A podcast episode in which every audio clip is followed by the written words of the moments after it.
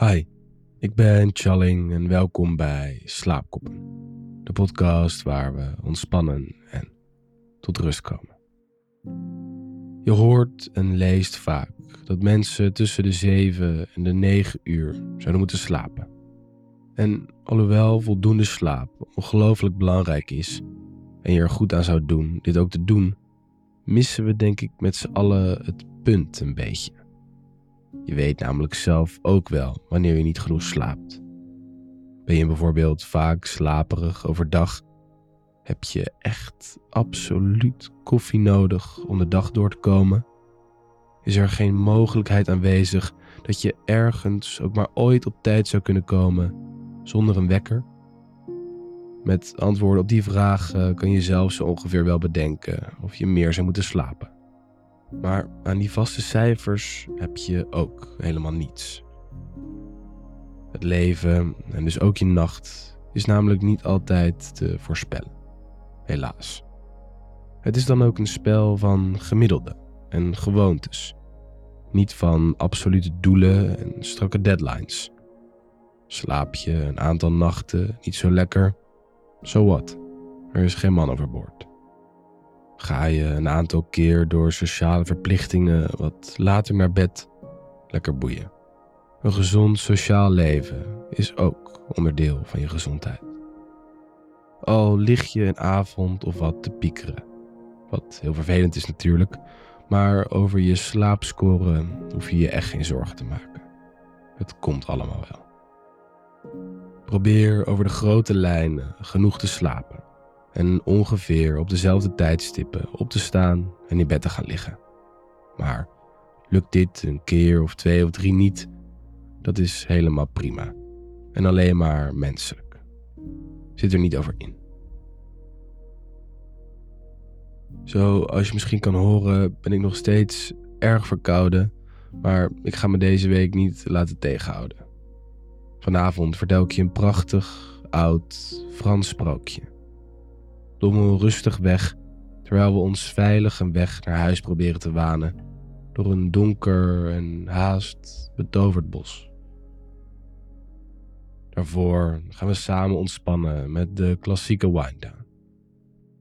Al eerst, voordat we daarmee gaan beginnen, alvast maar een paar keer lekker rustig en diep adem. In door je neus en uit door je mond.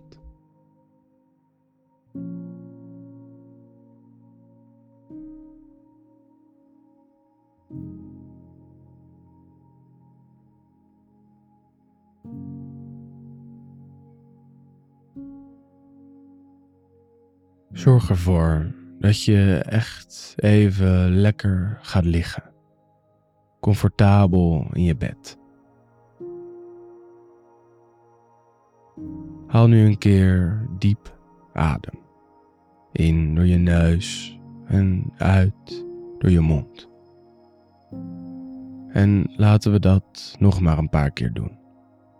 In door je neus en uit door je mond.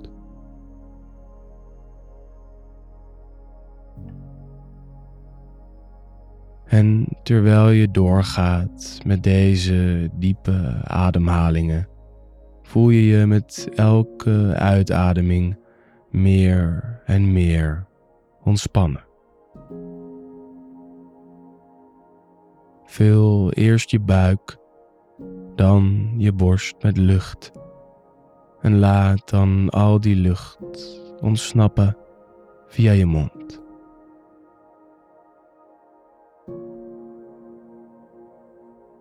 Alle spanning vloeit als het ware van je lichaam af.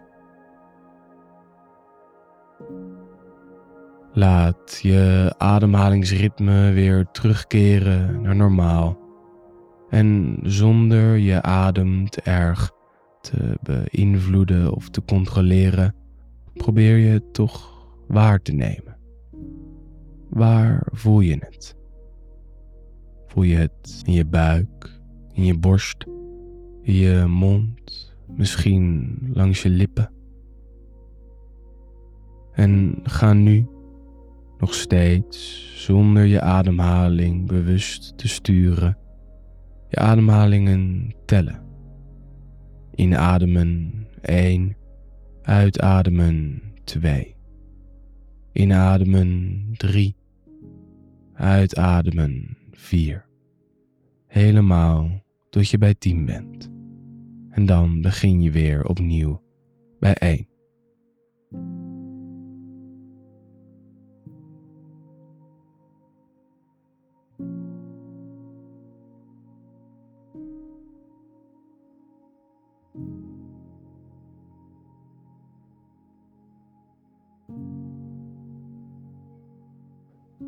Terwijl je bezig bent, komen er misschien gedachten bij je naar boven.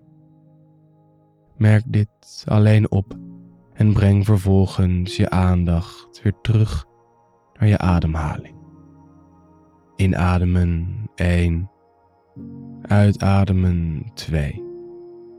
Inademen 3, uitademen 4.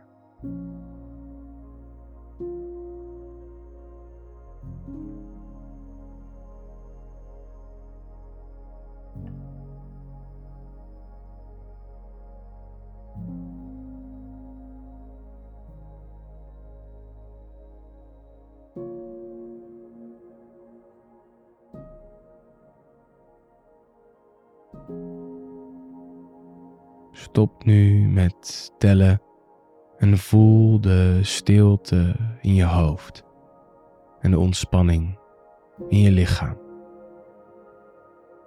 Al je ledematen zijn helemaal los en zwaar en ontspannen.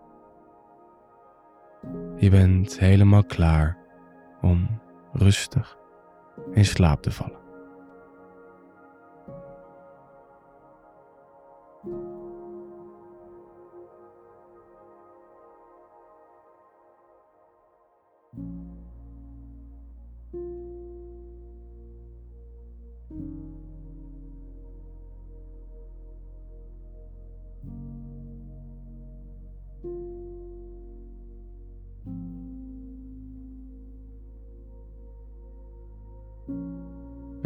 Oude speelman had eens op het grote jaarfeest in Heili het jonge volk tot middernacht doen dansen. Hij speelde op alle feesten en kermissen in de omtrek en keerde dan gewoonlijk midden in de nacht door het grote bos van Heili terug naar zijn eigen dorpje, Warlois. Bang was hij niet en hij had er ook geen reden voor. Want nog nooit, zolang hij speelman was, hadden dieven of bosgeesten hem op zijn nachtelijke tochten ook maar het minste in de weg gelegd. De maan straalde die nacht in al haar glans en de speelman stapte vrolijk voort langs het bospad, zachtjes een wijsje neuriënd die hij bezig was in te studeren op zijn viool. Plotseling verbeelde hij zich een sluipende tred te horen die hem volgde waar hij ging.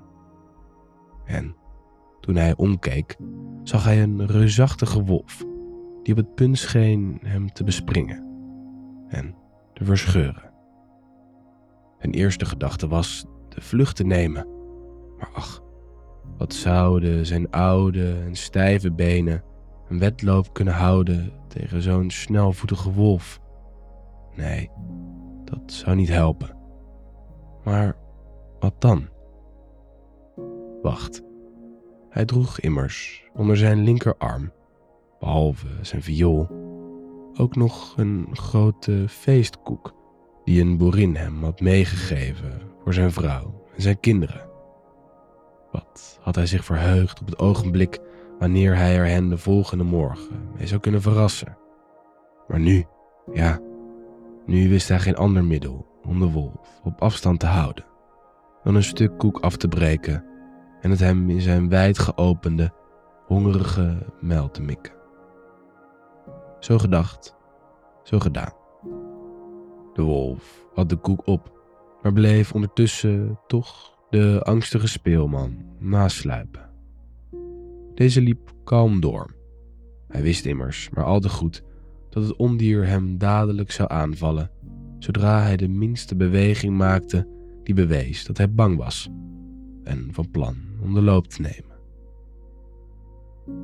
Al dichter en dichter kwam de wolf nadat hij het stuk koek op had en op de hielen.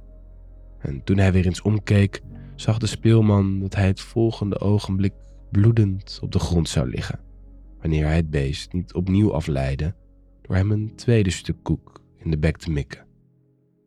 Dit lukte en de speelman maakte van de gelegenheid gebruik om een flink eind vooruit te komen. Maar pas had de wolf de koek op, of met een paar sprongen was hij weer vlak achter hem. Zo dicht dat de arme man zijn harde poten bij elke voetstap tegen zijn hielen voelde. Telkens gaf hij de wolf weer een stuk koek en kwam dan een eindje vooruit. Maar ach, het bos van Heili is zo vreselijk groot en, na er verscheidene stukken te hebben afgebroken, was eindelijk de koek al bijna verdwenen. Een klein stukje had hij nog over. En als dat op was, dan, ja, dan was zijn laatste uur geslagen. Dan was er geen hoop meer op redding. Want wie anders dan hij zelf waagde zich ooit midden in de nacht in het bos van Heili. Hij moest zich voorbereiden om te sterven, om levend te worden verslonden door deze verschrikkelijke wolf. Nadat hij het ondier zijn laatste brokje koek in de muil had geslingerd, vouwde hij zijn handen en bad tot God om vergiffenis van al zijn zonden. Dit gaf hem weer nieuwe moed en hij voelde opeens een dringende behoefte om, voordat hij stierf, nog eenmaal een wijsje op zijn dierbare viool te spelen. Met bevende handen nam hij zijn instrument uit de zak van wasdoek waarin hij het gewoonlijk meedroeg, gooide de zak weg en begon een droevig, klagende melodie te spelen.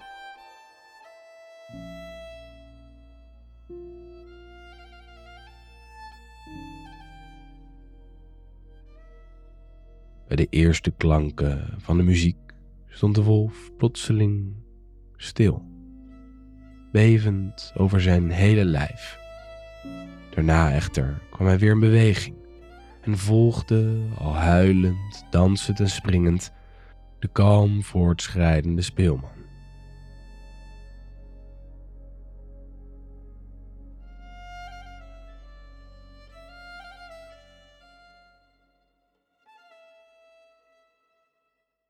Op elke andere tijd zou deze geschaterd hebben van het lachen bij dit dwaze schouwspel. Maar nu was hij geheel verdiept in zijn spel en ontlokte, in de angst van het ogenblik, wonderbare melodieën uit zijn oude speeltuig.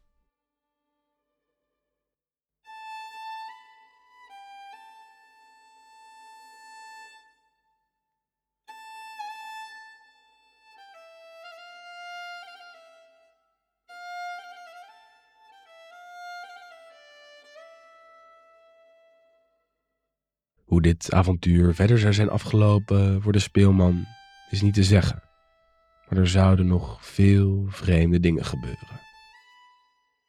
Aangelokt door de lieflijke muziek en het afgrijzelijke gehuil van de wolf, verschenen langzamerhand een massa nieuwe toeschouwers op het toneel. Duizenden kleine en grote bosgeesten, of lutins, kwamen van alle kanten aangeslopen en stonden nu onbeweeglijk te luisteren naar de hun tot nu toe onbekende tonen van de viool.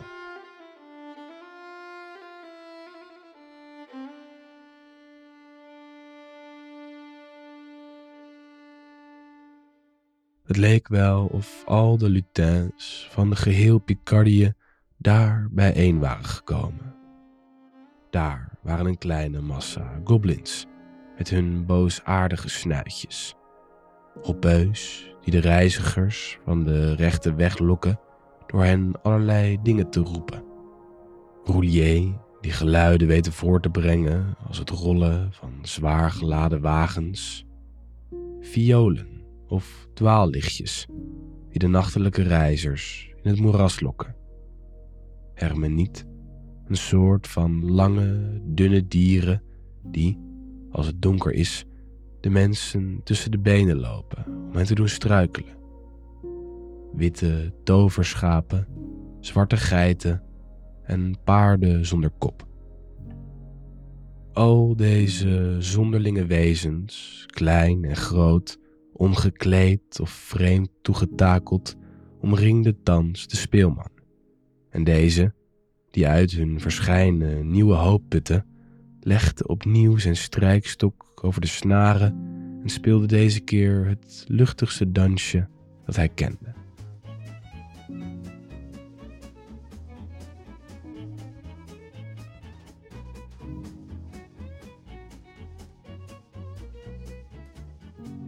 Zie daar, het bosvolk kwam in beweging.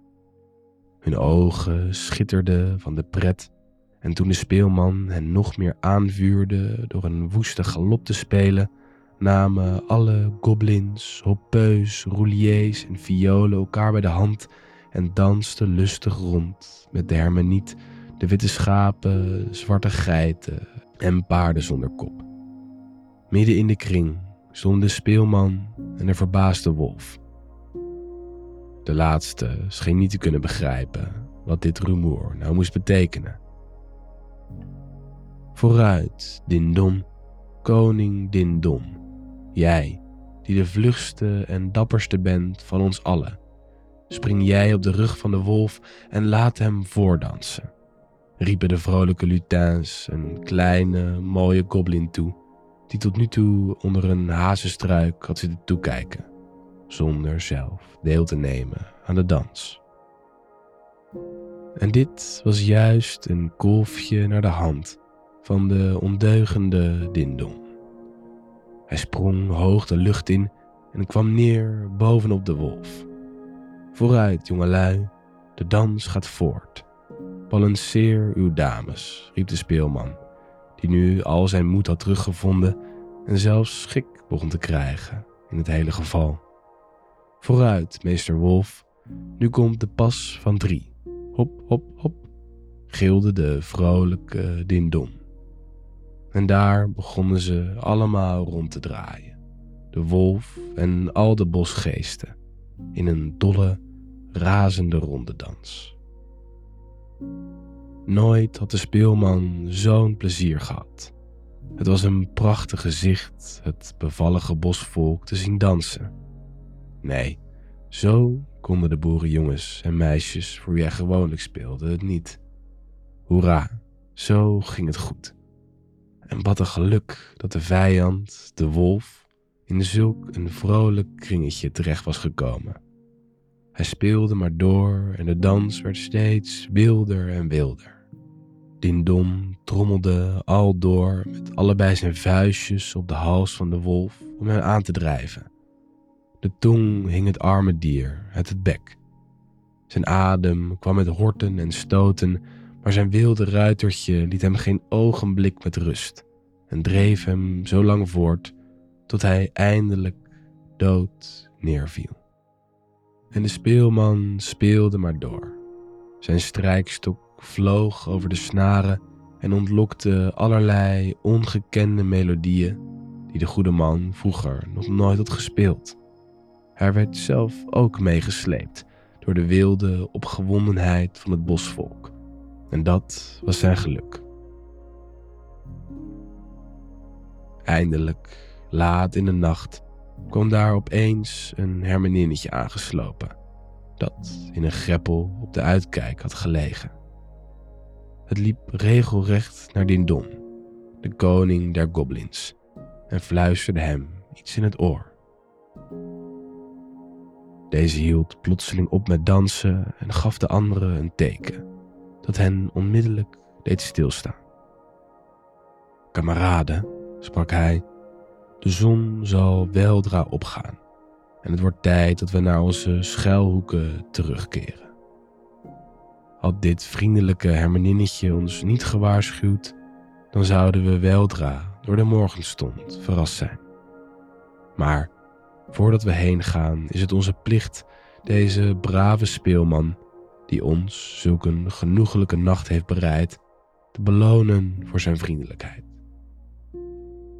Hij is arm, dat weet ik, en een paar goudstukken zullen hem zeker goed te pas komen. Ieder van jullie geven hem wat hij toevallig bij zich heeft. Ja, juichten de anderen, dat is een goed idee. Elk van hen bracht de speelman een gift. De een een paar goud of zilverstukken, de ander een kostbare edelsteen. Weer een ander gaf hem een goud geborduurd vest voor zijn zoon, een vierde een kostbare zijden japon voor zijn dochter, een vijfde een muts van echt kant voor zijn vrouw. Zij, die toevallig niets kostbaars bij zich hadden, leerde hem de geneeskracht van verschillende planten kennen, of fluisterde hem een geheim in het oor dat hem in de mensenwereld voordeel zou kunnen aanbrengen. Het allermooiste aandenken echter kreeg hij van Dindon, de kleine goblinkoning. Een viool namelijk, gemaakt van een vreemd soort hout en geborgen in een prachtige voedraal stellig door handen moest zijn gemaakt, evenals de viool zelf.